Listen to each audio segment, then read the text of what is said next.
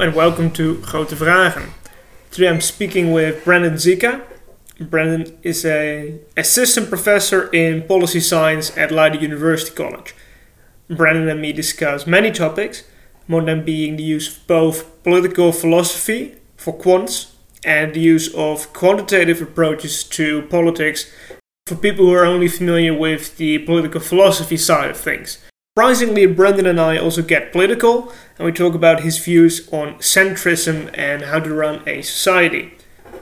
Without further ado, let's go on to the podcast. Okay, welcome. I'm here with Brendan Zicha. Brendan, welcome. Hey, thanks. Thanks for having me. Okay, Brendan. Before we get into um, before we get into the weeds, I would like to talk about your uh, background a bit because yep. as we just were chatting before the podcast, like I'm really used to either hardcore political scientists who say, okay, you know, there's been this voter shift in this particular county, and we're gonna release the numbers on it, and we're gonna see why that happened. And yeah, the yeah. other side that says, you know, there's Aristotle, and after that, basically, basically nothing happened. And you somehow yeah. seem to combine the, the two. So can you tell us a bit about your uh, academic and intellectual background? Yeah, so I I uh, I did my well first of all in my I had a I was very blessed with a good public high school in the United States that had a lot more of a focus on what you might call classical liberal arts. So I had a class in the classics. I had a I had a really good literature program. Um, we had classes in uh, ancient philosophy um, that were electives, but you were able to take them. Uh, uh, and so I already had a base there. I went to a, then I went to a liberal arts college uh, called Grinnell College, Middle of Iowa, and I had a and my my original classes were were all in the humanities, uh, Russian literature, area studies literature, uh, political theory, political philosophy, and then I and then I got really into economics, um, and, I, and I majored in economics. But even there, I was I was in mm-hmm. between where I, I, I was the I was one of the one of seven people that took the Marxist economics class, which was the most uh, theoretically heavy class. I I got into the history of economic thought class, which was a fairly popular seminar, but only ran once every two years. So it was full, but it was not enough to actually run every year. Um, and then I, I wanted to do, I realized the questions I cared about were political in nature, or more political economy than economics per se.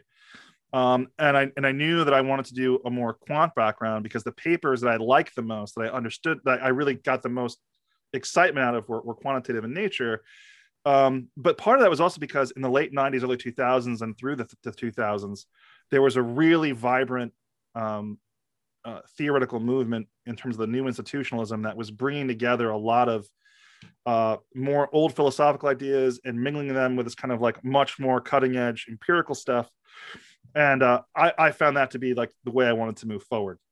Um, and so some of that was in the air at the time and then I went to a primarily quant program at Binghamton uh, University in New York, which is a, a, small political science program that has a very high reputation because of its very early adoption of quant techniques in the in the 60s and 70s. It was one of the original uh, departments in kind of the consortium um, globally through Mi- University of Michigan that was doing quantitative political science. Um, so I had a lot of training in math and statistics, but my dissertation supervisor, actually two of my dissertation supervisors, have strong theory backgrounds as well with deep concerns. My advisor is also motivated almost entirely by democratic theory questions for his empirical work.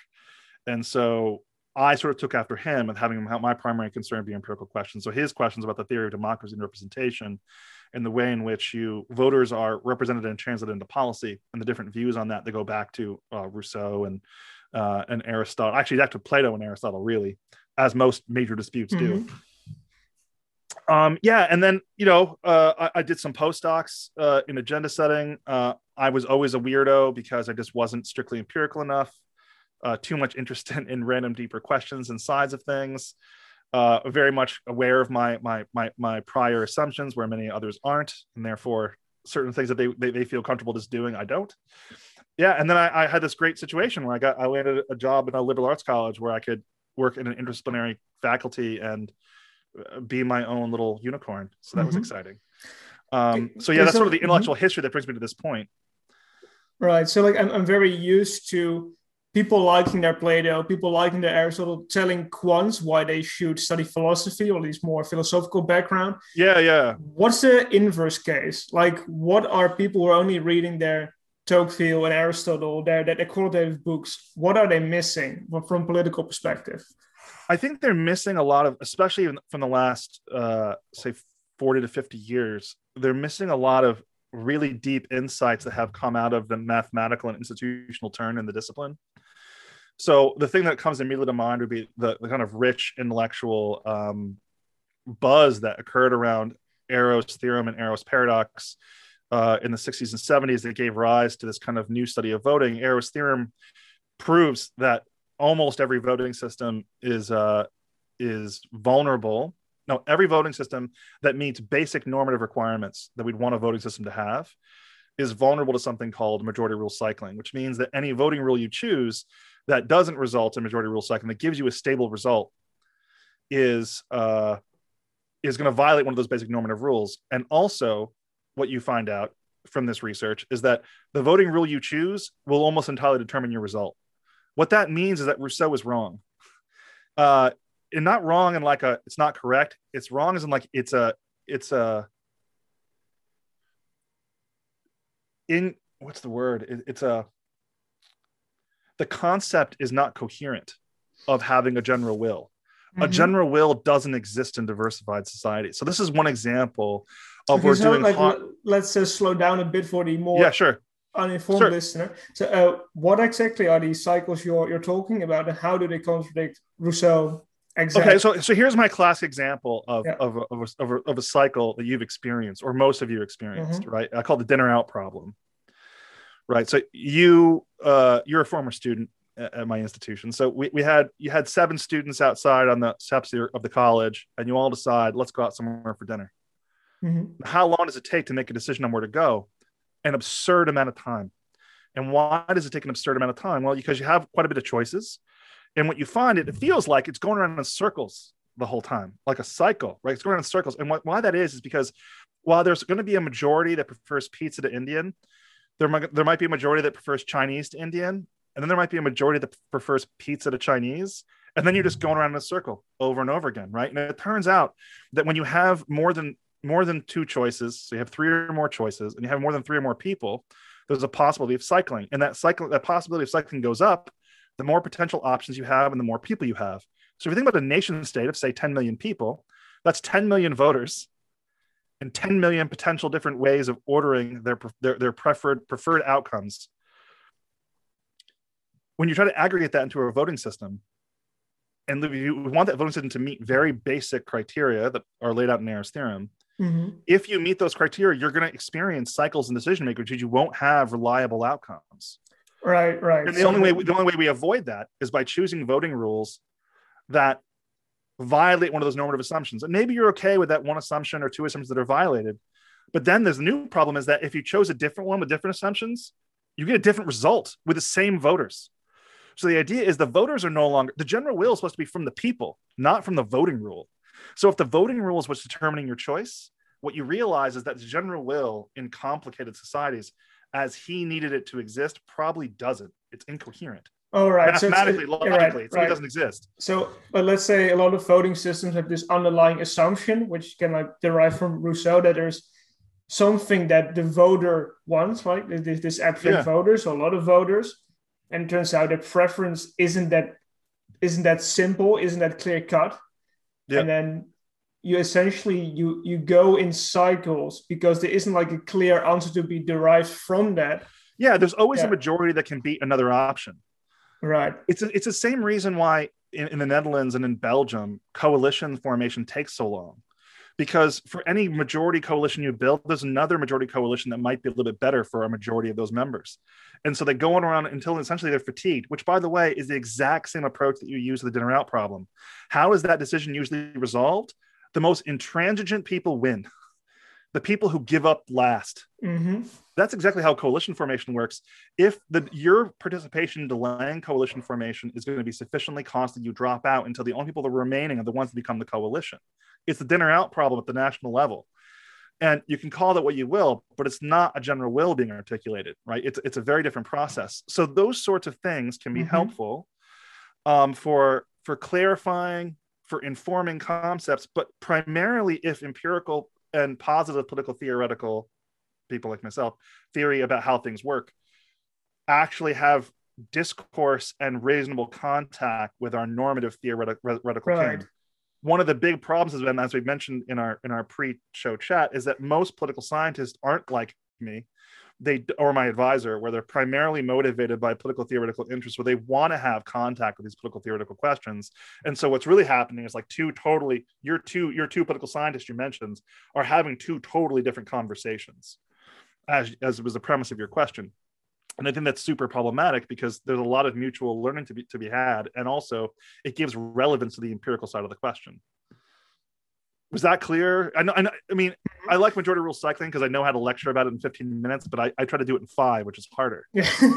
No, I, I- think like the, the basic point a listener can take away is that there are these theorems or, or the, the, these theories that we have from the philosophers, which I think most educated people can have like a decent grasp of. So there's a Mhm. general will, or there's an elite that's informed, or you have a democracy, Yes. right? Right. And they have very specific assumption about what will empirically happen that their way of knowledge cannot really reach in the sense that if you go sit in your mom's basement and you go read like a whole bunch of philosophy books and some newspapers, you're not going to find out the kind of things that you would find out with these mathematical instruments. Mhm. And the things you can find out with these mathematical instruments Yeah. have huge implications on these theorems in the first place. Yeah, because there's just two modes of contact, right? One of them is that the, the the detailed logic of certain claims hasn't been fully interrogated, and therefore some of the more the more deeply mathematically motivated formal theorists and empirical scientists who test those theorems have a lot to say about those kind of fine points of technique. But also, um, on, on the larger scale, there are certain there's certain problems where normative theory in particular runs into things that seem plausible, but in the real world don't really work that way Mhm. Right so one of the things that's it's pretty common is one of the things that's been really big in the last uh, 20 30 years right is, is is bounded rationality this idea that it turns out that the that the the expectations that most philosophers had of the capacity of individual humans to process information in society is just much lower than expected right and and the implications that has for our our, our theories would be far more understandable if we had that that kind of real dialogue happening between the, the, the normative theoretical political scientists and the positive political scientists uh, and, and the empirical political scientists. Um, because there's just certain there's certain phenomena and arguments that simply make sense intuitively if you assume certain things but once you realize that those things have never and will never exist we can we can we can say well what's the implication for these arguments once we take into account that limitation? Right. right so th- this isn't a classical theorist but someone who i Mhm. think about a lot is is uh, is, is frederick hayek right? So he has these arguments about the, the his his use of knowledge in society his most famous paper about how great economic systems are the market mechanism is at taking up information distributing it and turning it into a price that communicates all this useful coordinating information. It's great. It's a wonderful thing. I said but what happens if we assume I mean, imagine yourself in a Hayekian world. You wake up in the morning and every single thing is managed by the price mechanism, which means you face like a thousand prices that you need to you need to you need to arbitrage every particular day. Well, from what we know from cognitive psychology, you can basically manage seven numbers at a time, yeah. right? At, at a moment, that, that's seven definitive sit- decisions you can make in any particular decision unit. Let's say, let's say, let's say five to ten to thirty seconds. You just don't have enough time. So, what about all the prices that you can't arbitrage? What kind of information are you putting into the price mechanism then? Garbage is what you're putting in. What does that do to the market? So, in other words, a lot of these kind of theoretical arguments that seem super plausible on the surface start to fall apart the instant you start thinking taking seriously these things that these social scientists have been finding regarding human psychology and how it works in social systems so mandelbrot for example did his ma- with with his look at uh, the mathematical distributions of uh, asset prices demonstrated that they're not distributed the way they should be if we have full information updating so a lot of free market economic normative theory turns out to be based on humans that are, have to be far more able to calculate than they are. Right. Okay, but like the, So those things matter. Mhm. Like, right? And the, these are the things like they have a lot of problematic assumptions. Let's say for our for the underlying assumptions uh, for our political systems, right? Because if we think, okay, there is a group of rational citizens mhm. that together form a polity and they make Mhm. decisions, and okay, there's disagreements about how many of these people should be involved, right? Plato says a Yeah. story. and there's like others would say no, it's it's a larger group, but mm-hmm. they all assume fundamentally that humans or like a decent group of humans is able to process a lot of this information.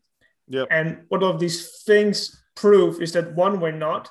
And I think overarching and connecting to your um, to what we said in the beginning is okay if you need both the background in political philosophy and a lot of mathematical skills even make sense of this debate. Um, yeah like how sure can we be that there is even an informed citizen? And if there's no informed citizen what what, what does that really mean for our political systems? Oh um well we've never had informed citizens so there's this great book that i, I always recommend I, I mean, I don't know the details, but I have to imagine he and I would be good friends. So E. E. Schattschneider wrote this famous book called, called The Semi-Sovereign People, where, where he attacks the kind of first the first sort of wave of modern political scientific sadness on these sort of questions, right? So, I mean, a brief whirlwind tour of political science is basically before World War II, they were all old institutionalists, as we call them. They were people who basically hung out and codified institutions, very Aristotelian in this respect. Like, let's look at these constitutions, write them down, and find out which ones are the most democratic. Like this sort of and, and, and then and then Weimar happened. Uh, so you had the Weimar Constitution, which was considered by all the experts to be the most democratic, wonderful constitution ever, and it lasted almost no time at all and collapsed into Nazism. That did not do wonders for old institutionalism. And then you had, I like to say this more cynically, you had a bunch of unemployed XGIs with lots of quantitative skills who were paid to calculate missile trajectories, who are now going to graduate school on the GI Bill, and they got social science degrees. And what did they what did they turn all these new technical skills towards? And the rise of computers at University of Michigan. Well, studying people's voting attitudes. The the motivation of that question was what? Well, the, the motivating question was clearly there was something wrong with the Germans. So what we need to do is we need to, we need to measure their attitudes and measure the attitudes of good people like Americans and British people. And we're going to see that Americans and Brits are wonderful democratic citizens who are fully informed on all these little things, and Germans are militaristic Huns. But then what ended up happening was that we learned something terrible, which is in the which is reported in the American Voter, a really large classic book, where basically voters are idiots in America. They, they've been idiots the whole time. They don't process information the way they think they do. And this led to a bunch of research about how democracy is in trouble or how to, oh my goodness, or citizens are awful, they're uninformed. And Schattschneider said, hey, hey, hey, you guys don't get to flunk the whole human race because of some surveys you did. Democracy has been chugging along in America for over 150 years. So clearly it can work with dumb people. Maybe we should spend more time thinking about how that might be. So he kind of turns his study to what he called the elite theory of politics, which is how is it that uh, largely uninformed citizens are able to participate in governing in a democracy with their limited information portfolio and still somehow guide policy in a way that looks broadly rational? And his answer was basically political parties. Political parties organize the populace into by giving them a smaller menu mm-hmm. of choices rather than that huge menu of choices they had with the cycling problem, a handful that are given to them in bite-sized choices where the person communicating has an incentive to make it understandable and they want to be have to understand what they're doing at the voting booth. So there's a mutual benefit there. And then when that kind of thing happens they're able to coordinate. Now that is not a full information democracy but it's a working democracy. Right right. So essentially we're saying okay we had this old like we had this old assumptions that humans were by and large rational animals or at least a small part of them were. That turns out not to be true yet somehow this is all working. How is yeah, that working? And it turns out it's working by really simplifying reality to a degree where you can say, okay, these are the 10 points of the red people, these are the 10 points of the blue people, and the 10 points of the green people. Now you guys vote, and we figure something out. Yes. and, uh, yes. So they give them a menu yeah. of choices that they have an incentive to communicate and be mutually understandable. So yeah. because so it's not so much. I mean, it, it, it's it's a complex social system that solves the problem, which is the way it works in a lot of cases, right? A lot of complex yeah. problems are solved by social social structures that grow up around them that that that that, that help make up for the shortcomings that we have as human beings. And it's the same thing, and it's no different in, in electoral democracy. And I think that having that that deep conversation between democratic theorists and empirical empirical scholars of democracy it, is extremely important I mean, it's even like it, it. I feel like it's start touching upon something something bigger. That's actually it's both fascinating and disturbing. But I think two years ago I read this book by James Scott, uh, Yeah. seeing, seeing like a state. And yeah, I have it by on my this- shelf. It's a classic from Yeah. '98. right? And it, it's by this an anthropologist, and he's like, okay, how is it possible that well-meant interventions, even by smart people, lead to horrendous outcomes? Yep. And his conclusion is essentially, okay, both social and ecological systems are so complicated that we don't really know how they're working, apart from very specific instances where we know the context. Yeah. And you know that's why you probably shouldn't intervene. But that leads us overall to that where we're living in a world predicated upon certain about, about upon a certain balance, right? Of the balance in your psyche, the balance in the ecosystem, the balance in the political system. Yep. And we don't actually know why any of it's working very well. And we also know that if it collapses, everything's going to hell. and that's Yeah. yeah. Well, I mean, this is one of the, the biggest problems since the Enlightenment, right? Has been this sort of, and, and I think it's really inherited by political science as a discipline, and not just political science, but the policy sciences generally.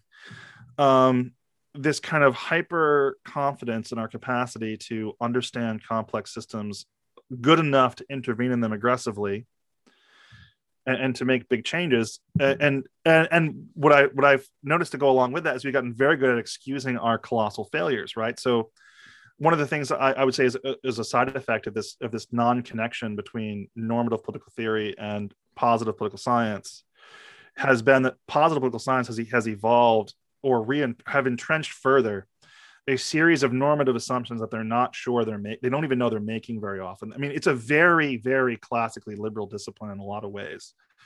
And i don't think that they recognize that they are very classically liberal in orientation right? That they're that they're very uh, individualist that, that they take as as as as a precept a strong assumption towards uh, individualism. Not everyone but Mhm. very very many.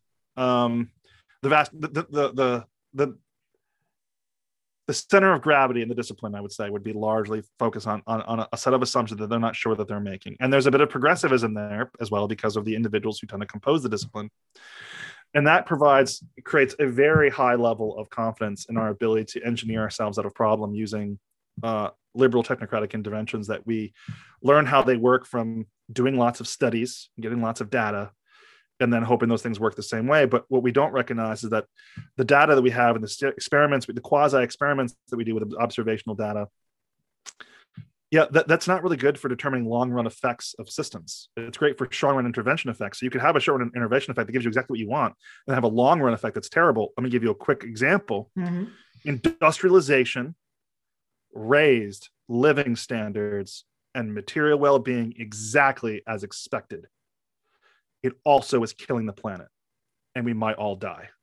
And that was not intended, Yeah. but it's a pretty serious consequence. I mean, my, my students right now, we're, we're, we're, we're doing this course that I call um, Foundational Issues of Governance, Economics, and Development, where we, where we go through the debates from the age of revolution, from the radical Enlightenment liberals like Thomas Paine and Mary Wollstonecraft, and then conservatives like Burke and Michael Oakeshott.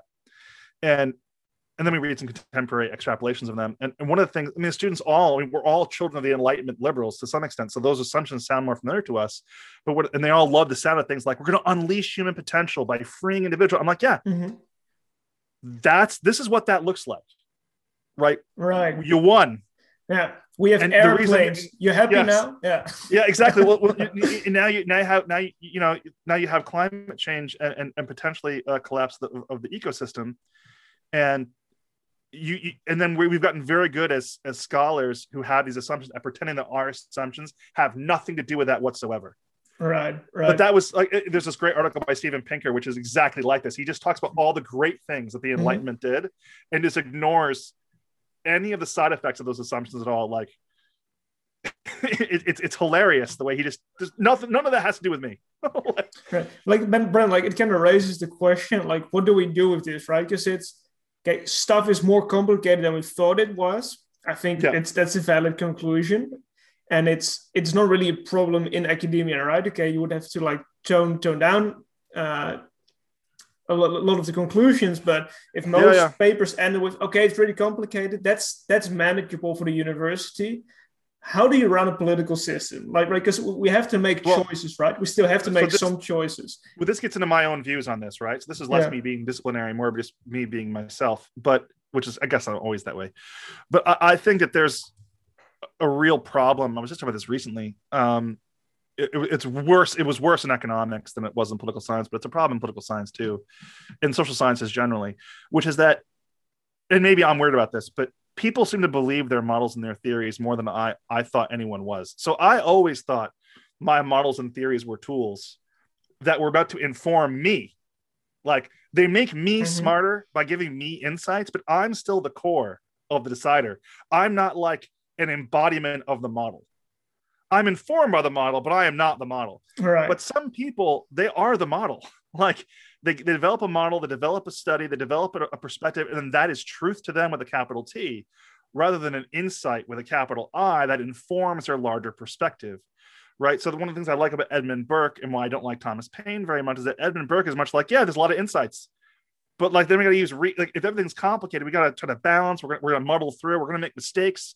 We want to be as informed as possible, but you, you can't engineer your way out of this problem. There's a, a mixture of intelligence and wisdom and common sense that has to be used in order to reach a good decision.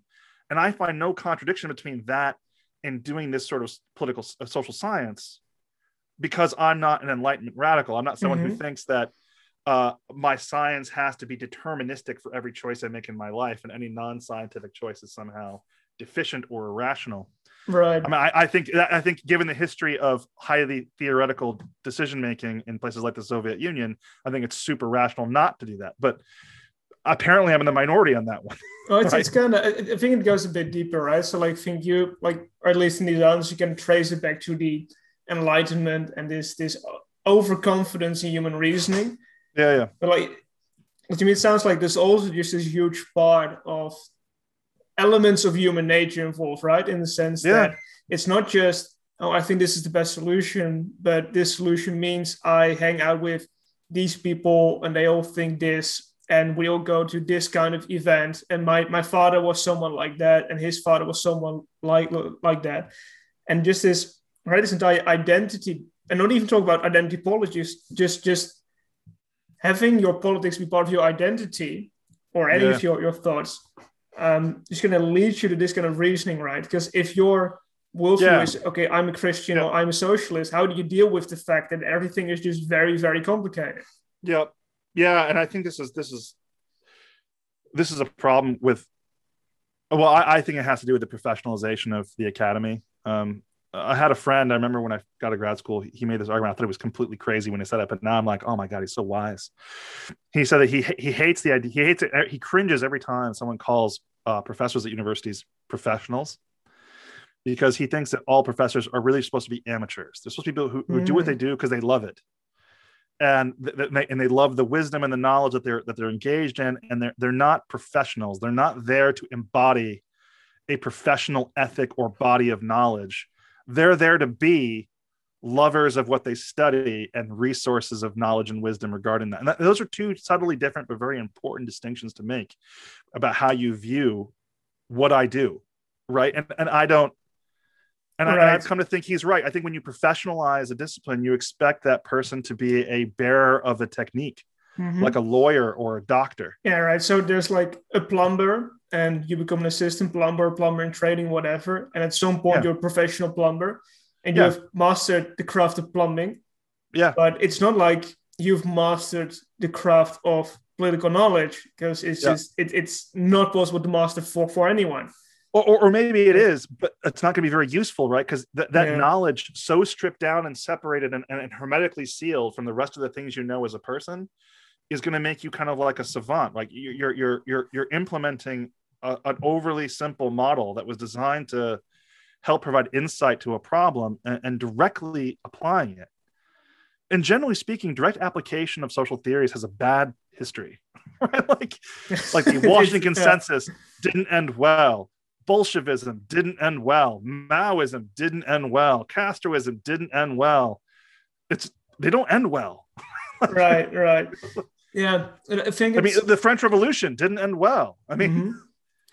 Yeah, I think like it, I think it brings us back to the earlier questions. Okay, stuff is very complicated. what to do now from like a Yeah. political perspective, right? And it's and it gets like it's I think it gets more difficult as the problems tend to get tend to escalate as well, right? Yeah. So stuff is very complicated. We shouldn't move too fast. That that, that sounds good, but Yeah. if it's true, right, that we've got like 20, 30 years to act on the climate crisis, or Yeah. it's really going awry, or I have a system built on slavery, and I think that's horrendous, and I think it should be ended. Like all of these things require like complete overhauls of the system, and nevertheless, any overhaul can also be extremely damaging. But letting the system go on can also be extremely damaging. So, like, Yeah, well, I have different feelings about those different problems, right? So, so when we're okay, talking let's, about yeah, let's start with climate change. yeah, climate change is a bit easier. Well, no, maybe maybe harder, a harder nut to crack in the sense that uh, my issue with the climate change discussion is that uh, it's framed so much entirely in terms of uh, of, of political order um, and and ideology, rather than being framed in terms of uh, a solution orientation that is that is more open to different solutions, right? So there is a whole branch of American conservatism. It's small, like all intellectual conservative, conservatism is for the most part. But they, Rod Dreher called them crunchy cons. They are they are these conservatives. They're very pro environment, but they're they're localists. They're people who like to have Mhm. very low impact lifestyles. But the truth is, if that if every American adopted a low impact lifestyle, that would solve most of the climate crisis almost overnight because of how much the U.S. consumes. You know, there's a lot to be learned from uh, uh, that that could look like radical change in the sense of radical change being large change, but is not radical change in the sense that it's not implementing a particular idea about the nature of a green economy, but rather it's a coordinated, mutually accommodating social consensus that'll look messy and not very elegant, that gets the job done, that's integrated, and that can happen relatively fast if you have the right politics organizing it. Right, but this is also not a policy. That's the problem. right? In the sense that how do you convince what is it, 320 million Americans to adopt this lifestyle? You don't. In 10, 10 right, You, you don't, but you make it Yeah. part of the solution, right? You make it right, right. because my point being is that all of these ideological visions implemented for everyone probably is not going to work very well hmm or we'll have all kinds of untold consequences but if you if you do a mixed bag and do a couple of big things but the biggest things that need to be done aren't that radical like you know the, the top 10 companies that are responsible for co2 emissions are not that hard to regulate that's not a super radical move right um uh, th- that's not the heart like and that's a huge chunk hmm right, of the problem. But we're talking about the social stuff. And when we're talking about changing ways of life, you got to do that in a far more consensus based fashion. You got to make sure you're building super coalitions, and that's messy. I mean, so when FDR moved through the New Deal, he didn't have an ideological vision of what that was going to look like. He built from a bunch of different ideas. He chose from a different coalition, and he built a coalition around it a super majoritarian coalition that he could actually implement the damn things with. That's what no one's doing. Right, right. So essentially, you're saying that okay, stuff is very complicated. Therefore, like you can't really be your idea right because you're just not sure it's working well enough. And let's say there's four different solutions to climate change. Might be so that we need to take 25% for all of them, adjust it a little bit, and try to make a consensus as broad as possible to fix the thing, rather than entrenching ourselves and hoping that our side will win, so to say. Yes, yes, Then and so, yes, that's a yeah. terrible strategy. Yeah. And, and hopefully, and hopefully, our governors will be smart enough to recognize that one of the ways to address this is to go is to. The problem with that we have 30 years to address climate change concern is it assumes that we have to do it all at once. But if we start now, we can extend the 30 years, right? So it can become 35 years because we've gotten this much taken care of. In other words, the more you, Mhm. you pull off the carbon budget now, Yeah. the more of an extension you get. So major increases now can lead to more increases later. Well, it's This is- definitely better than no increases. So Yeah, yeah. So for example, I mean, a, a- a smart a smart policy. I don't know what this would look like, right? But a smart policy would have nice positive increasing return uh, um, um, qualities. So for example, when again FDR introduced Social Security, it was much more modest. But then people relied and made plans on Social Security. And then they talked about expanding a bit further. Yeah, that's a good idea. Let's expand a little bit further. And opposition melted away because people more and more were depending on Right. it up until it reached a certain point. In other words, you didn't have to have the most extreme version of the reform in first because it built its own its own support. This Obama had a similar idea for the ACE for the American uh, the Affordable Care Act.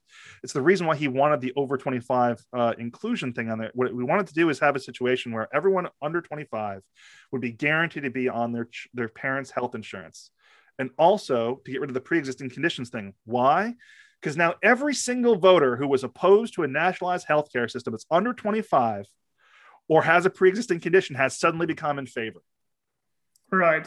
In other words, the more it exists, the more support it has. So you want to get started with green If policy. works. Yeah. Yeah, you want to get started with green policies that are going to build their own support for more, rather than wait out for like your ideal plan to be implemented, like your one green new deal and one big thing. It's just it's not a smart way to make policy. hmm Um, even in a crisis. I mean, the Great Depression was a crisis too, and it needed to be ended quickly before like fascism or communist revolutions happened. But they knew they couldn't do it all at once. So they started with what they could do that would build more support for it. Right. So z- zooming out, out a bit, we essentially Yeah, said, please. okay, uh, stuff is very, very complicated. So Yeah. overall, you might want to move at a slow pace, just not to break any of the extremely complicated systems that are apparently working. Then you have the problem of, okay, but what if we need radical change? And you're saying, okay, no, even if we need extremely radical change, then tackling that bit by bit in small steps and where, where Yeah. you can oversee the problem is probably still the way to go. Yeah, yeah. I mean, and this is honestly the way most major changes have history. I mean, we've had Yeah. periods of major policy change in the West before, and they've all worked this way, like for the most part. you know, they, they tend to be rapid changes over a period of a decade or a decade and a half that come with a series of policy moves, not one, a number that build on each other as momentum grows. It- and and doing that, I think, is in order to do that, you need to have a kind of political discourse that allows for reasonable conversations across these different perspectives so they can actually integrate into one plan and see one common problem. I'll be honest, without that, I don't know how this works with democracy. I mean, one of my biggest concerns with the current uh, polarized political approach of, as you as you framed it, holding out to uh, to get your ideal your ideal policy through is that I just don't know how you do that and maintain a democracy. You, you need to you need to attend to things and govern in the meantime. You can't just demonize your opponents and glorify your leaders forever. It's not healthy for the first of all, your leaders will stop being Mhm. uh, reliable agents for you, and your uh, and your opposition will now oppose you simply on principle. I mean, there was a time when the Republican Party was more environmental than the Democratic Party in the United States, for example. Right? I mean, it's unreal the way that these things have evolved across time to become so hyper partisan.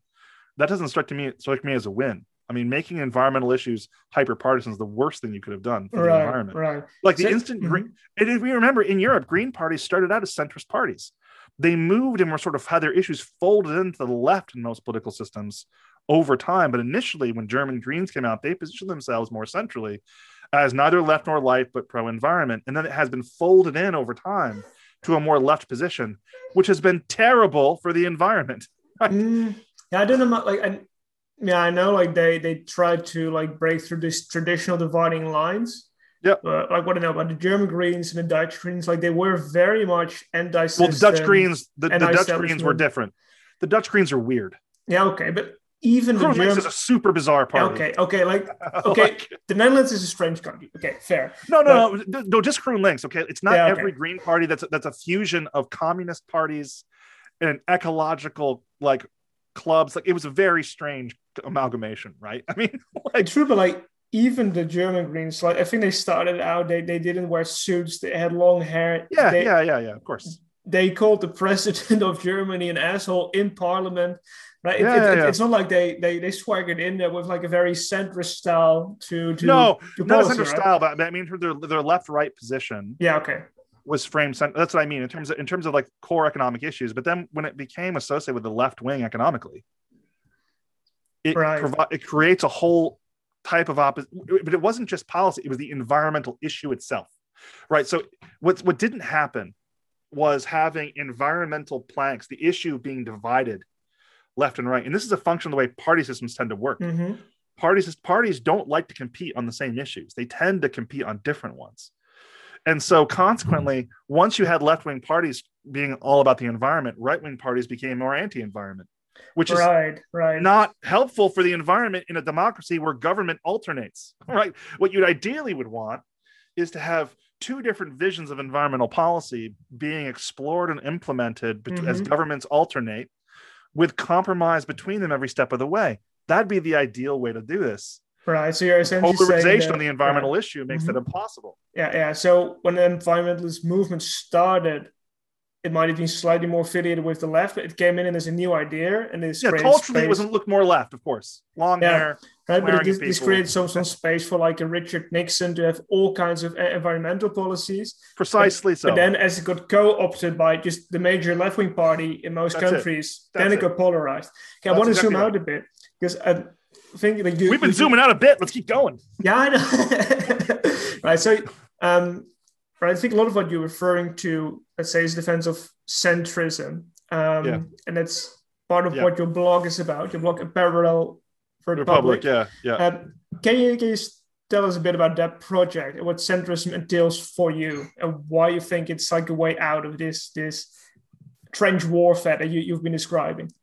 Yeah, well, I mean, centrism is uh, centrism is one of the nice things about the polarization. There aren't a lot of nice things, but one of the nice things about polarization is it's an opportunity to revitalize the center because it's largely empty um, and and wide open for innovation. So one of the biggest problems with centrism has been historically it kind of has a, a milk toast quality where it's sort of sort of a bland arithmetic mean of the different sides rather than articulating a, a, particular vision. And, and it's because it just don't have as much to work with when the parties are when, when the major parties are really crowding the middle. But when it's really empty in the middle, you can do a lot more dynamic stuff with the various sides of the concern, right? You, you, where you can eliminate bad things that the different sides are really holding on to while keeping just the good stuff and having pretty strong positions on them, right? So, for example, libertarians did this for a long time in the United States, right? Where they were extremely left wing on social issues and very right wing on economic issues, but they're centrist because on average they're in the middle mm, or maybe yeah. slightly center right,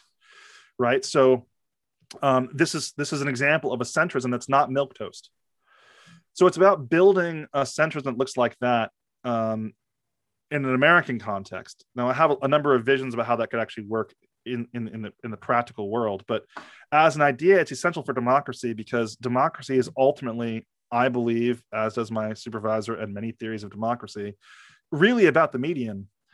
Um, it, it's, it's about the way you construct, uh, even if it's a multidimensional kind of space that's the median, but like a, a central area of public support for policy movements in the society, both in terms of the extent of the state and what it's doing. And when you have polarization, the center gets held hostage by extremes. It's not a great way to govern. It's bad for democracy. It's bad for the quality of governance for reasons I'm happy to talk about. Um, that's actually a, a book project I'm trying to work on. And the result is you have bad representation, greater frustration, less faith in democracy, less faith in each other, more attacks from voter to voter, declining social. Uh, it's just it's a it's mm-hmm. a bad scene all around, and you don't get solutions to problems that need to be that need to be happening. As they get worse and worse and worse, you end up eventually with a crisis political moment where you can have some pretty scary things happening. So centrism is important to maintain, even if you're not trying to build a centrist movement. You want to have your politics be pulled centrist if it by by something. So in, for in parliamentary democracy, it usually happens through the coalition building process that moves the, the, the governing position of government towards a centrist area of the various parties composing it, which tends to be, well, always is more centrist than the most right wing party in that coalition or left wing party in that coalition, right? And we see this in the data analysis as well, that we tend to see political, uh, social policy in the terms of like, you know, budget spending largely tracks the median parliamentary party and multi-party democracies that are well constituted and have nice qualities, which is nice that that happens. But with polarization, that breaks down, and you don't see very good uh, steering and policy making from the center. So centrism is is for me about articulating a vision in the middle that the more ideological wings can't, but that has strong claims and principles that gird it, right? So Mhm. one reason why, why cent- centr- centrism in Europe has been, I think, more robust is because of Christian democracy. Christian democracy has this really nice quality of confining, combining soft conservatism with the one thing conservatism often lacks, which is a positive program that's attached to its more its Christian social ethic. And because of its history and its connection to liberalism, also kind of a soft liberalism, right? So it, it has this nice ability to sit in the center while having a strong identity Right. and yeah. certain claims that are unique and powerful to them. So in countries like the United States or the UK or or even Germany, reduced reduced part, numbers of party system systems systems parties countries with smaller party systems, they often don't have purely centrist parties that have those those qualities, right? I mean, you have like the FDP story for a long time in German Mhm. history, which was strong in economic issues, but went out of its way to be not strong on many other issues so that could remain the ultimate coalition partner that was its version of centrism be very strong on one issue and not on others um so yeah it's about trying to build a, a, a- two things one a centrist movement that recognizes that opportunity and secondly uh building a centrist political culture um this is something that most about i don't think and most people who think about politics generally don't that political culture matters a lot i mean a lot of things that's happened in places like the republican party that makes PVV what it is in the Netherlands, which makes Forum for Mhm. Democracy what it is, is the culture around the people who get into it or who run it, right? And, and the kind of attitudes and ways of communication that they engage in. Forum for Democracy could be a lot more effective. It didn't have such pugilistic people in it, right? Right. Yeah. The people who are just so spoiling for a fight and to be obnoxious and shocking.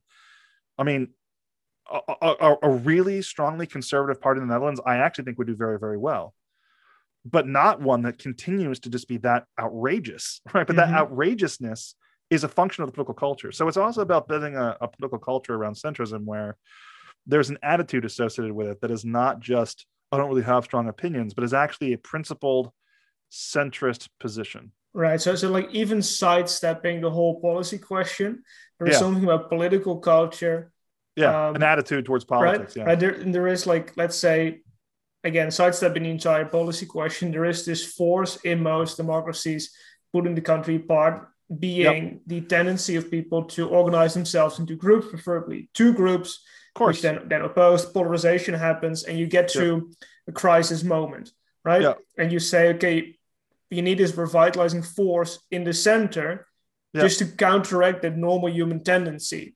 Yeah.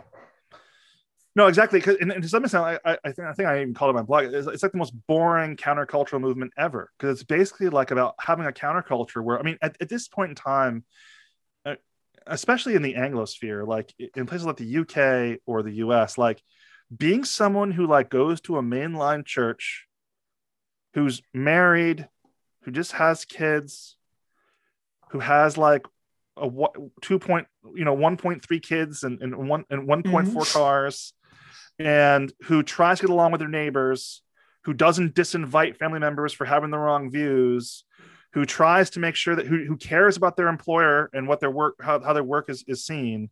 That's getting to be weird. Like it's it's getting to be strange not to be kind of sociopathic at work to be extremely puristic in terms of how you conduct your politics to be to to to, to, to gravitate towards ever more uh, visibly uh, uh, accent what used to be considered eccentric lifestyles. So being like very moderated is now very countercultural, and so one thing that makes that nice is that you can build something around a countercultural thing, a point of distinction, right? Because people like to be groupy. So Mhm. it's about getting people who who have very boring, very uh, cooperative, very genuinely concerned motivations, and giving them, yeah, and helping that become more self-aware, self-realized, examined, intentional, right. where they where they don't get sucked into the the the the polarization on social media or in their in their families, and they and they feel comfortable holding that middle position.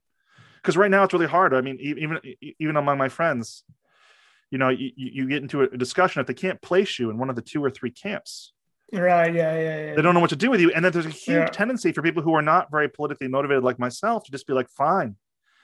I'm, I'll be with you guys then because you're my friends Mhm. and I, and I want you to like me. That's the easiest. Yeah. yeah, Yeah. so it's important to build a, the counterforce to that has to be social not just not just in terms of a political pro. I mean, I think centrist movements failed. I think third party movements, extra party movements often fail because they think all I need to do is create a program. You need more than a program. You right need- like, it's kind of hard right? just like if Yeah. you don't right you think, think you rightfully mentioned how the christian democratic party somehow managed to do this but you need Churches to be helped. right Churches helped, right? Like you have churches. yeah I mean, yes stuff like that helps but where let's say it's it's very easy right to just pick a side because all you have to do is think one Yeah. think one thing You've Yeah. only figured one, one, one thing out, Yeah. and that's how can I argue the point? I know I should be arguing better, or at least in such a way that the other people know I'm from this side. But Yeah. if that gets worse enough, then the people in the center need to be very contrarian people, right? Like you need to be comfortable with standing up and doing that. But that's not the kind of people you've been describing, right? If you say, okay, no, exactly, exactly. my, my favorite centrist has right it's just No. like a normal family guy and he goes to church and he tries to get along with everybody and this guy also need to like needs to be extremely willing to take a lot of flack no, something exactly. that, that's not even his main identity or his main gig No, exactly. life. yeah So, so that so the key is to make it a main identity, right? To make it a countercultural stance, yeah right? Which is all about being proudly moderate, right? In terms of your in terms of your lifestyle and and recognize that there's a lot to that that's not just milk toast. That's actually it's quite right now being a forgiving, understanding, compassionate person in politics, like across political disputes, Mhm. it's a yeah but Brendan it's a sport, man. yeah Like, I feel like there's just no such thing as not being racist you're either racist or you're you're anti-racist Oh no, of course. This is my whole this is my whole Yeah. life, right? I mean, my Yeah. whole life is people telling me that I am a Bolshevik or a fascist. yeah Like uh, there's like there's a great uh the John you should definitely put this in your show notes, but there's a famous, there's a famous John Cleese clip about ex- the benefits of extremism Mhm. where he goes to this kind of great song and dance and he's joking about how like well, what, what, what about the benefits of extremism you know one of the things that's great about extremism is that you get a list of enemies that are responsible for all the problems and it goes through for example if you're on the right you have enemies like social workers and academics and feminists and moderates. Or if you're on the left you have enemies like the police big business and moderates. The one thing that everyone agrees on is that moderates suck. Like uh, at least in the Anglosphere. And yeah, so building that into an identity that's actually uh, able to hold some water socially and uh, in the discourse, I think is essential to holding down any sort of center in uh, in, Mhm. in, in, in in the politics of the Anglosphere, at least. Okay, like so. To to what degree do you think there's any dangers associated with that attitude? And I I, I don't mean for the people. I just mean for the political system, right? Because I think With the centrism? claim, yeah, because I think the claim you do sometimes hear is okay. You know what? In in a political system, of which the problems are so fundamental. So let's say we do live in a slave system, right? And Mhm. there's just a small group that says, okay, we need to abolish this, and I'm willing to raise hell for that. I'm willing to polarize the country. I'm willing to go to war over that. Yeah. Um, what is the central stance on that, right? Because sometimes it seems like this attitude of, okay, just try to get along with everybody, um, just doesn't seem seem to cut. It doesn't seem to like raise to meet the situation. Yeah, I mean it's difficult, right? And I, I mean I know some some things about the history, for example, politics of slavery in the United States. Although I, I, it's something I keep reading on because I'm, I'm I'm quite interested in it. But I'll simply say, rather than saying this is the, the case, I'll say that there is an argument to be made. Right? This will be my, that'll be my caveat. There's an argument to be made. There's an argument to be made that um, the failure of centrism is one of the reasons we had the Civil War. I mean, one of the things that groups like uh, 1619 and, and, and the new anti-racist movements get really wrong about American history is that they kind of project back the culture around slaveholding and slave politics that existed in 1860 Mhm. all the way back to the founding. And that's simply inaccurate. So, up until Andrew Jackson in the 1820s, slavery was sort of uh, an issue that moderates were really involved in and people were wringing their hands about because basically there wasn't a really strong, really aggressive center of gravity of people we, we later would call slave power, where they it was an embarrassment. We have all these slaves, we're this free country, but what are we going to do? Like our economy will collapse. We just get rid of them. they'll probably kill us in our beds. like, you know, if Yeah, we fair. do release them, what will happen to them? And this is why you found this is why Liberia exists, right? You, you ended up with Mhm. all these moderates that were concerned with finding strategies for getting rid of slavery in a gradual process that wouldn't lead to a conflagration. Andrew Jackson come along, comes along in the 1820s, rapidly ramps up uh, partisan sentiment, moves slave power out of the, the fringes of a couple uh, uh, of the right wing of, uh, uh, uh, of, of, slave slave holding politics in the South, makes it the center of gravity in Southern democratic politics, and that's the end of moderate moves towards dealing Yeah. with the slavery question. Then slavery becomes a positive good in, the, in, in, that part of the country.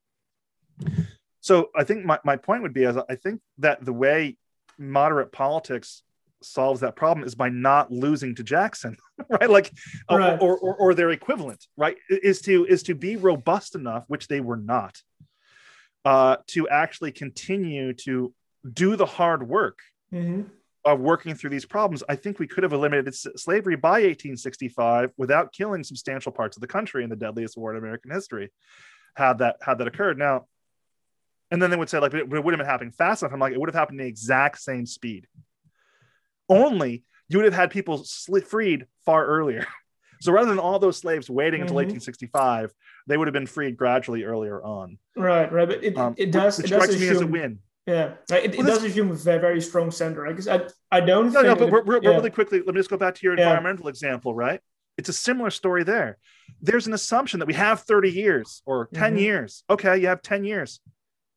So you what it was the idea like in, if in year 10 you passed your package, we're saved? Mhm. That's ridiculous. like you, you, you- so your idea to hold out until that 10th year? Yeah, I, I do feel like that's different in the sense that climate change is, right, it's a catastrophe waiting to happen, but it's not horrendous yet. Whereas, let's say with slavery, can say, it is, but, but yeah, every day that this yeah.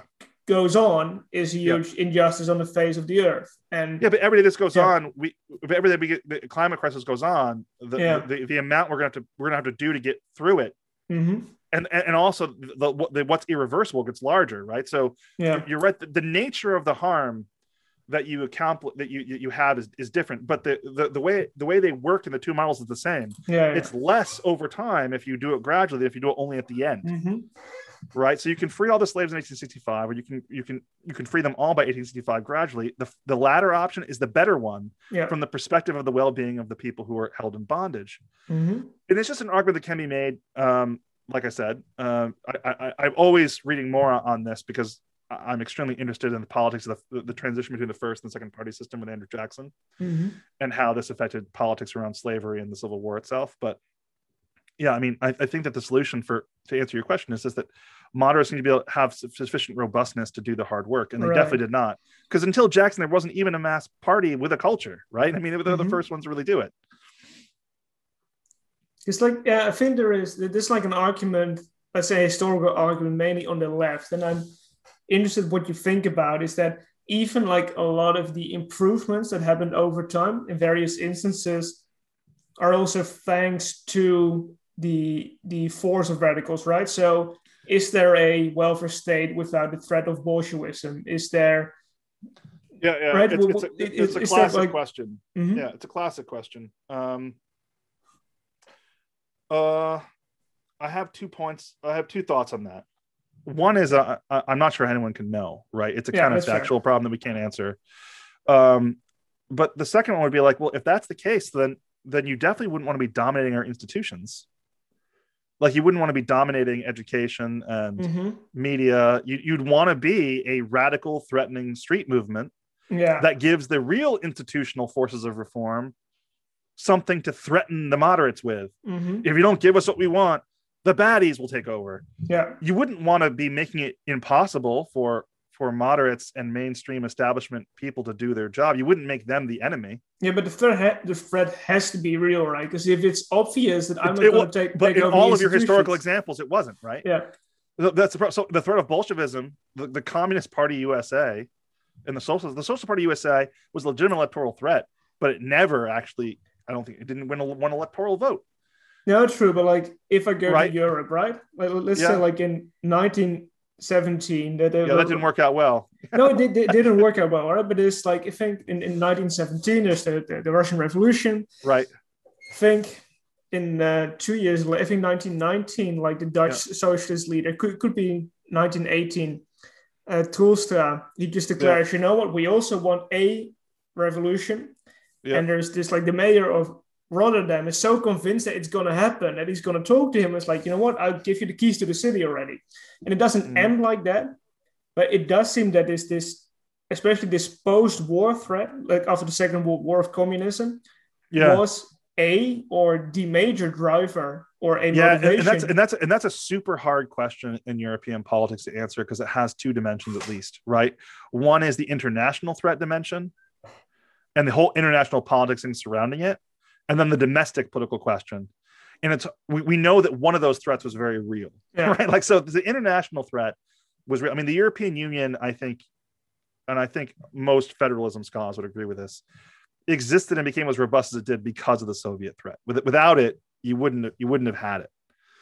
Um, so external threats like that are extremely they, they do all kinds of usually pretty good things actually for democratic politics.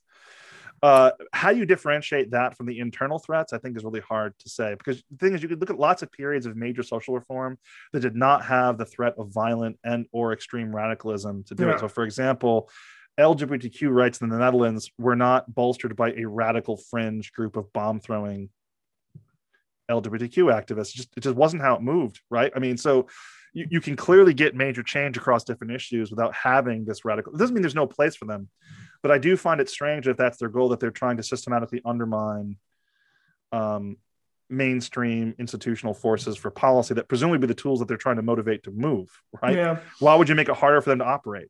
Yeah, I mean, like that's that's more. Like, that's probably not their view of the world. I think it's more of a No, I think that's right. I think that's exactly center right. left justification for the existence of the radical left. Yeah, No, no, I, no, but, but well, I, I, it's hard to, I, I find it hard to know what radicals often really think because I find, Yeah.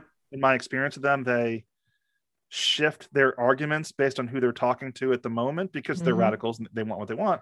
yeah. Um, so they tell me they think this is true. so, so Okay, like so, yeah, when I when I criticize the, the radicalism in the U.S., for example, for reasons I can talk about right now, Mhm. about my paper about the way that they attack other voters and how I think that's really destructive. Like, well, you need us to do this because we're like the Black Panthers. Like, all all right, yeah, all right, we're the Black Panthers to, to MLK's civil rights movement. yeah. Okay, first of all, I think that's seriously an unfair comparison. The Black Panthers were twice as well organized as they are, but that's a whole different thing. Like the Black Panthers are twice the radicals these people are. and it's also and i think that that's often missed It- it's kind of a tangent right but i do i do see it a lot around me that people say you know it's good that the, the Panthers were there because they just raised the awareness but it is followed by conservative backlash that lasts for 20 30 30 years right No, of course, and, and- Yeah. and I mean, I'm really worried about that with some of the the sex, the gender identity stuff, though, because it, it's such a big change uh, Mhm. for a lot of people, and it feels for so many people very, very foreign. And if it gets pushed too aggressively, I, I I think the backlash. I mean, this is you, you see some murmurs about this now from older parts that were more active and successful of, of the LGBTQ movement. So like gays and lesbians who are more trans exclusionary uh, is often how they're called getting concerned about what's that backlash going to look like for them like they, they worked pretty hard to get where they are mm-hmm.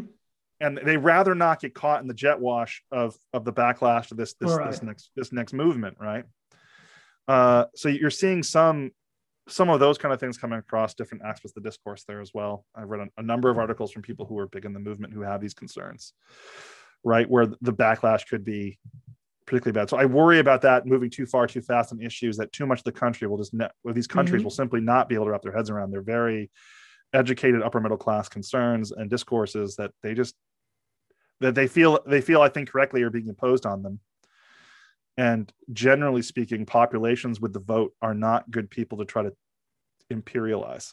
No that's fair.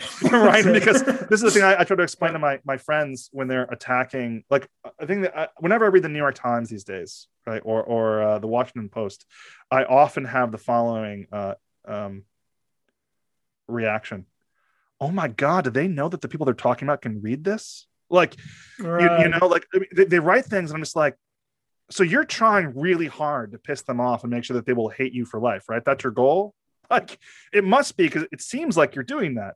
I mean, I wrote on my blog about that one piece from this um this columnist uh, uh Ali Wajahat about uh why you shouldn't reach out to Trump voters because I gave a bunch of talks on multiculturalism uh, in Trump country for two hours or three hours, and then took some car rides and had a chat, and no one converted had a conversion experience. Yeah.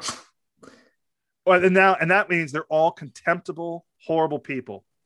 And I'm like, you know, they can read this, right? Everyone that went to your talks can read this in the New York Times, and they'll now know what you thought about them the whole time. And you think that's not a step back for how? Yeah, no, it's also I mean- just a bad strategy, right? Because it's Yeah, I just don't get it. yeah, it's like you don't need to convince. Like if you want social change, right? Like you don't need to convince the people who are already on your side. You would say you'd say, if Yeah. you don't want to opt for an authoritarian system, by definition, your effort should be aimed at okay, who are like disagreeing with me on these important things, and how can I reach out to them? How can I convince them? But many of these Yeah. kind of activities seem, seem aimed at okay, like fellow leftists, fellow And- and- rightists. and let's say you're one of those people who believes fully that these people are irredeemably unconvincible, right? Let's say you believe that. I, I don't, but let's say you believe it. You still don't want them to hate you more, right? Yeah.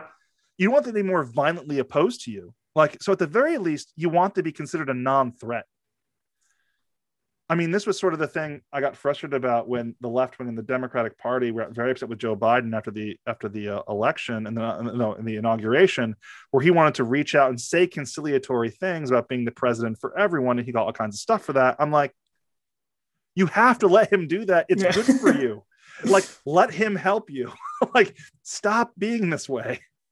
Um, but the thing that kills me about that, and this is the, the, the, essay for the blog, and I'm not working up to an essay for a larger publication that I'm working on now, which is why there's been less activity in the last two weeks, is that this one piece I had has blown up into a larger and larger piece. Is that one of the things that comes out of my research? My subfield is constitutional political economy, which is one of the reasons I have so much connections with political theory because it talks a lot about fundamentals of political regimes. Is that William Riker in his in his book Liberal, Liberal, Liberalism Against Populism makes this argument based on the social choice stuff from Arrow's theorem I talked about in the very beginning, that he argues that there's basically two streams of democratic theory that are really relevant for questions of what voting is about. One of them is called he calls the general liberal view that he derives from Madison and Montesquieu, and you uh, the populist view, which mostly comes from Rousseau and his and people came after him. So populism is about what Lincoln might call um, government by the people. So the people steer policy. And liberalism is more like what you might call a government for the people from the Gettysburg Address, which is like the the the, the rulers, the elected, rule on behalf of the Mhm. population, and if they're bad, you throw the bums out. So it's about controlling tyranny and and enforcing rights rather than about controlling policy. And he argues that because of because of this vote cycling, because of the problem of articulating majority rule, it's impossible to imagine uh, that people are able to engage in populism. That's why the title of his book, Liberalism Against Populism, right? Liberalism wins, populism loses. That, of course, was not a very satisfying answer to a lot of people. So a whole whole industry of people trying to demonstrate that democracy matters for guiding policy sprung up. And yay, we discovered that it does seem to matter. And therefore, we've gone back, and this we, we primarily are interested in representation and, and, and voting in terms of who wins, who loses, and how it changes policy and that's all well and good. But there's a there's a there's another aspect of constitutional political economy and how we think about constitutional stability and how democracies and constitutions are maintained that are relevant here, which is that liberalism, the game of voters against the elite, that's the preliminary game game that you have to have down for Mhm. the second game to matter at all. If your elites aren't faithful agents, if they know you're going to vote for them no matter what because you hate the other guys so much, if you see very low volatility in the changes of their public opinion in response to events, such that you don't see the public judging uh, governors on the basis of the quality of their governance, it doesn't matter who you vote for, you're going to get really bad quality governance. Right, right. So it's, it's right. It's before the debate is what do I want my e- my elite to do? It's how do I get them to do anything? Yeah, other than place? self deal, other than Right, self and- deal and- and, do their own thing for Yeah, themselves, and right? if, and if we're polarized enough, they they know that I will vote for them anyway. Exactly. So, So, for here, here's yeah. a very simple precept for centrists, and I think for anyone in the country who who want who takes that problem seriously. Say anything you want as aggressively as you want. You can be the most radical Mm-hmm. left wing social justice war you want, but aim your insults and attacks at the elected elites on the other side. Right. Don't aim them at the other voters and assume that they're evil because shaming them because you think they because they voted for someone that they therefore are embodiment and all that's evil in that group is a great way to alienate them into not wanting to vote for anyone else and never moving off their their, particular group's choice right that's Mhm. terrible for everyone and so that that game of there's basically just two conflicts that are happening the, the what I call the vertical conflict between uh, the elected and the and the electors, and the horizontal conflict between the various coalitions in society. And we're focusing way, way, way too much in the media, in our discourse generally, on the the judging the voters for who they are based on who they vote for, rather than remembering at the end of the, the day, most of us aren't that politically in- informed and motivated to begin with. That's the American voter. All of our themes are coming together here. Uh, um, they're not very informed to begin with. They change their minds over different. They vote for different reasons. Most of the people that voted for Trump, well, not most, a lot of people that voted for Trump voted for Obama the year before, saying that they're doing it for white supremacist reasons. It's super weird. like, there's a lot of motivations that go into these sort of questions across it. I'll, I'll tell a quick story about the Netherlands. I had my son um, uh, during the uh, the 2000 and uh, uh, 18 elections. 17. 17 elections. Thank you. He was now I just forgot when he was born. That's terrible. Mhm. Okay. uh, in Yeah. the 2017 elections, right? And so we had, as, as you know, a Kraamzorg nurse, right? So we had this nurse who was coming Mhm. to our house every day for eight hours a day for 10 days to help us with our newborn son. And he was my second child, so I knew what I was doing at this point. I wasn't a completely useless person. Mhm. And uh, the elections were coming up, and, and she had figured out that I'm I'm not a complete jerk. So she she felt pretty comfortable talking to me, and I was asking her like who she was going to vote for and why, mm-hmm. and she said I'm going to vote for Forum. And I was like, well, that's that's surprising. Why? Well, she's like, well, normally I'm a PVDA voter. You know, but the thing is, like, you know, I, I'm a nurse. I work in everyone's home. Rich Dutch people, poor Dutch people, immigrants, expats like you. I see it all. And my colleagues see it all. You know what we see? We see that there's a huge problem with immigrant families and how they're integrating and how they're getting on. And no one in the Randstad talks about it. I don't recognize the conversations they're having. But when Forum says things, they're conversations I recognize, at least about the topics. I don't like everything they say, but at least I understand that they're talking about the problems I recognize as problems. This is not a racist, right? This is someone who usually votes center left, who's primarily voting for Forum because she's alienated by the discourse, the elite discourse, and she doesn't feel like it remotely relates to the, the conversations she's having. And then I read in the NRC or in the Volkskrant uh, columns and articles that speak about the people who vote for Forum that they do not reflect my Kraamzorg nurse, Yeah, yeah, yeah. right? But she reads it again. That's the New York. She can read that. She knows what you're saying about her, right? And, and that's not a great. That's a great way to make her a hardened Forum voter, Mhm. right? Like to make her identify with the her she and her fellow targets. It gives them a common enemy. Like that's No, it's, It's it's, terrible in general, every right, respect. Just, just lashing out to people and Yeah. ridiculing them for having made made a choice. Even even if they will be justified, it's just like not a way to go about things. If you if you if you want to change minds, yeah. And also for most voters, it's never who- justified. yeah, who get shamed, who get shamed into Yeah. voting Yeah. a different party. Okay, most voters are too low information, right? Too Yeah. They're too low information to have that kind of responsibility. True. So I, thi- I think I want to get a bit more, a bit, bit, more practical here, right? So we, we We're we zooming in now. Got it. Yeah, we, we're zooming in now. We're finally zooming in. Yeah. Finally doing it. But Yeah.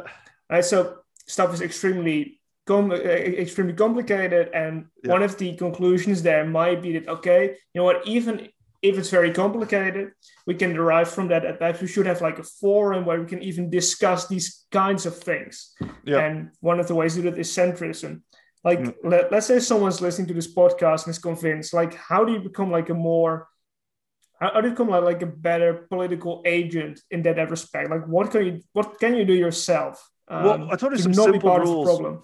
S- simple rules, like I said, is, is attack politicians, not each other. Like that's a very simple one. Um, uh, another one that I think is, is very helpful is, is is recognizing as having having principles that are connected to the things you actually care about and not ideological commitments right? So so be a little bit more self-aware about why you think what you think. If you're just embodying some model or some argument of politics rather than rather than a collection of your own values and concerns you probably want to revisit because you're probably you're, you're you're in thrall to someone else right whoever mm-hmm. constructed that particular ideological idea that's who you're in thrall to so being aware of your your values and your concerns um, and, and, I think thirdly, the most important thing, and it comes back to the comment we had just off the last uh, conversation, is that remember that most of us are idiots. like, and, yeah. and, I mean that in the sense that the world is really, really more complicated than we like to pretend it is when we're having these conversations. So, a dose of humility and an appreciation for the tragedy of human political life, I think, is super helpful for getting the right attitude in that governing self-government is hard. There's a reason most of human history didn't use it as a model right? It's hard to do. And recognizing that difficulty is a way to be a little bit more compassionate towards each other and a little bit less strident in your own so when you when you make a strong claim you make it with a caveat i have a lot of strong views but i make with caveats right mm-hmm uh, I'm a big supporter of a very generous universal basic income, and I just don't care about the implications it has for economic growth. I'm aware that there could be all kinds of issues with that claim, but it's because I have certain fundamental principles about how I think the market should work. And I don't think free markets work very well in a situation where employers have huge amounts of leverage over those at the bottom of the wage scale. I think that's incompatible with Republican liberty. And I don't know how I don't know how to how to fix that problem without creating a floor where everyone gets the same basic income. And it, and if I have to trade some economic growth for this value of of of Republican liberty, I, I take the Republican liberty every time. But I'm aware that that's my commitment and why mm-hmm. it's my commitment. Right. Yeah, I think overall it will be just like it will be a lot easier to convince people if one they were married to their views, and two that we didn't expect people to, right? It's like it's yeah, a yeah, virtue yeah. that you're able to be convinced by proper argument, and it's not a sign of weakness. Yeah. So, for example, I do this with my students, uh, and it's easier with students. Don't get me wrong, but a lot of professors don't. I've discovered. um, I never take my. Now, this is going to sound bad. I don't want to say it. I'm going to say it. The caveat is, I know this sounds bad, but I don't mean it the way it sounds. Okay. Okay. Yeah. I don't take my students' views very seriously. Mm-hmm. But what I mean by that is I don't take them seriously. I know that they're very earnestly held at the time, but I recognize that these are these are even more tragic people than most democratic systems. These are these are 20 year olds. Yeah. right. And I, and I remember being 20, like a lot of these ideas and, and confidence you have, they, they change over time. Nothing that you're saying now, no matter how radical and crazy, is, go- is going to be with any high likelihood of who you are in 10 years. I'm more likely to make that result happen if I attack you, make you feel uncomfortable, make you feel judged for it, because then you dig in, right? You're digging into this thing that you're you, you have been assaulted with. So just don't do that to people. I don't I don't I want my students to be open-minded so I don't attack them for things that they say that I think are crazy. like I just don't because I don't think they mean it, first of all. Yeah and it's also the reason why I think that it's it's important, and I get worried about very hyper democratic movements among students. It's imperative that administrators hold a line to make sure that students are make sure that professors are able to do that with students. Because the instant students have real political power over our jobs in a very real sense, we can't. Then we have to take them seriously because they're consequential. Yeah, yeah, yeah it really breaks down the relationship between teacher and student to have too much direct student involvement in higher education. Some is important. You we need we need accountability, but if, if it's more than a, than a minimal amount, it gets to be it can become very problematic for, for my ability to not take students seriously. I don't want to be in a position where I have to feel like I'm lobbying students to not be mm-hmm. believing things that are going to harm me later. Right. I, I, so I pref- mm-hmm Uh, we uh, can say in general, right? If if yeah. making decisions is very hard and ruling is very hard, then the last thing you want to do is have the politically radicalized twenty year old making all, all kinds of difficult decisions. Yeah, and someone having to appeal to them.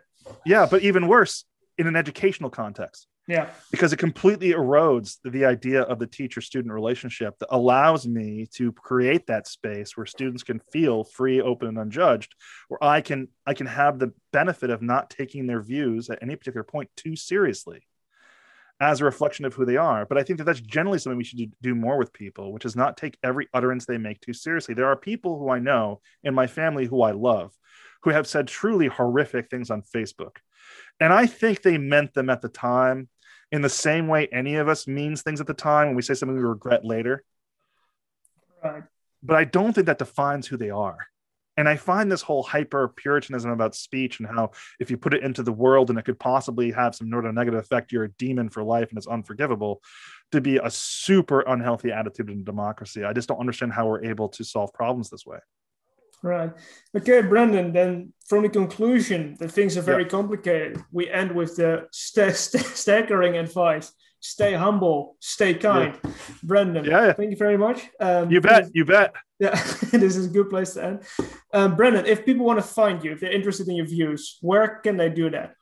Well, you can find me on my on on, on first on the Parallel Republic blog or Substack, but uh, that's also on Medium. It's on Medium and Substack. But I'm going to be opening another one that's a bit more academic, but also, yeah, but but geared towards informed and curious audiences. It's going to be much more in line with my actual work on constitutional political economy that I'm doing with a couple of, of old alums actually from the LUC who are now PhDs, um, called uh, Leviathan's Couch, where we're going to be uh, doing analysis of political organizations. Um, so you can be looking for that as well. And then, of course, you can always uh, email me, and uh, I have I have other activities and other blog uh, podcasts and stuff that I do. I could I could hook you up. Okay, Brendan, thank you very much. Oh, thank you. As always, thank you for listening to Grote Vragen.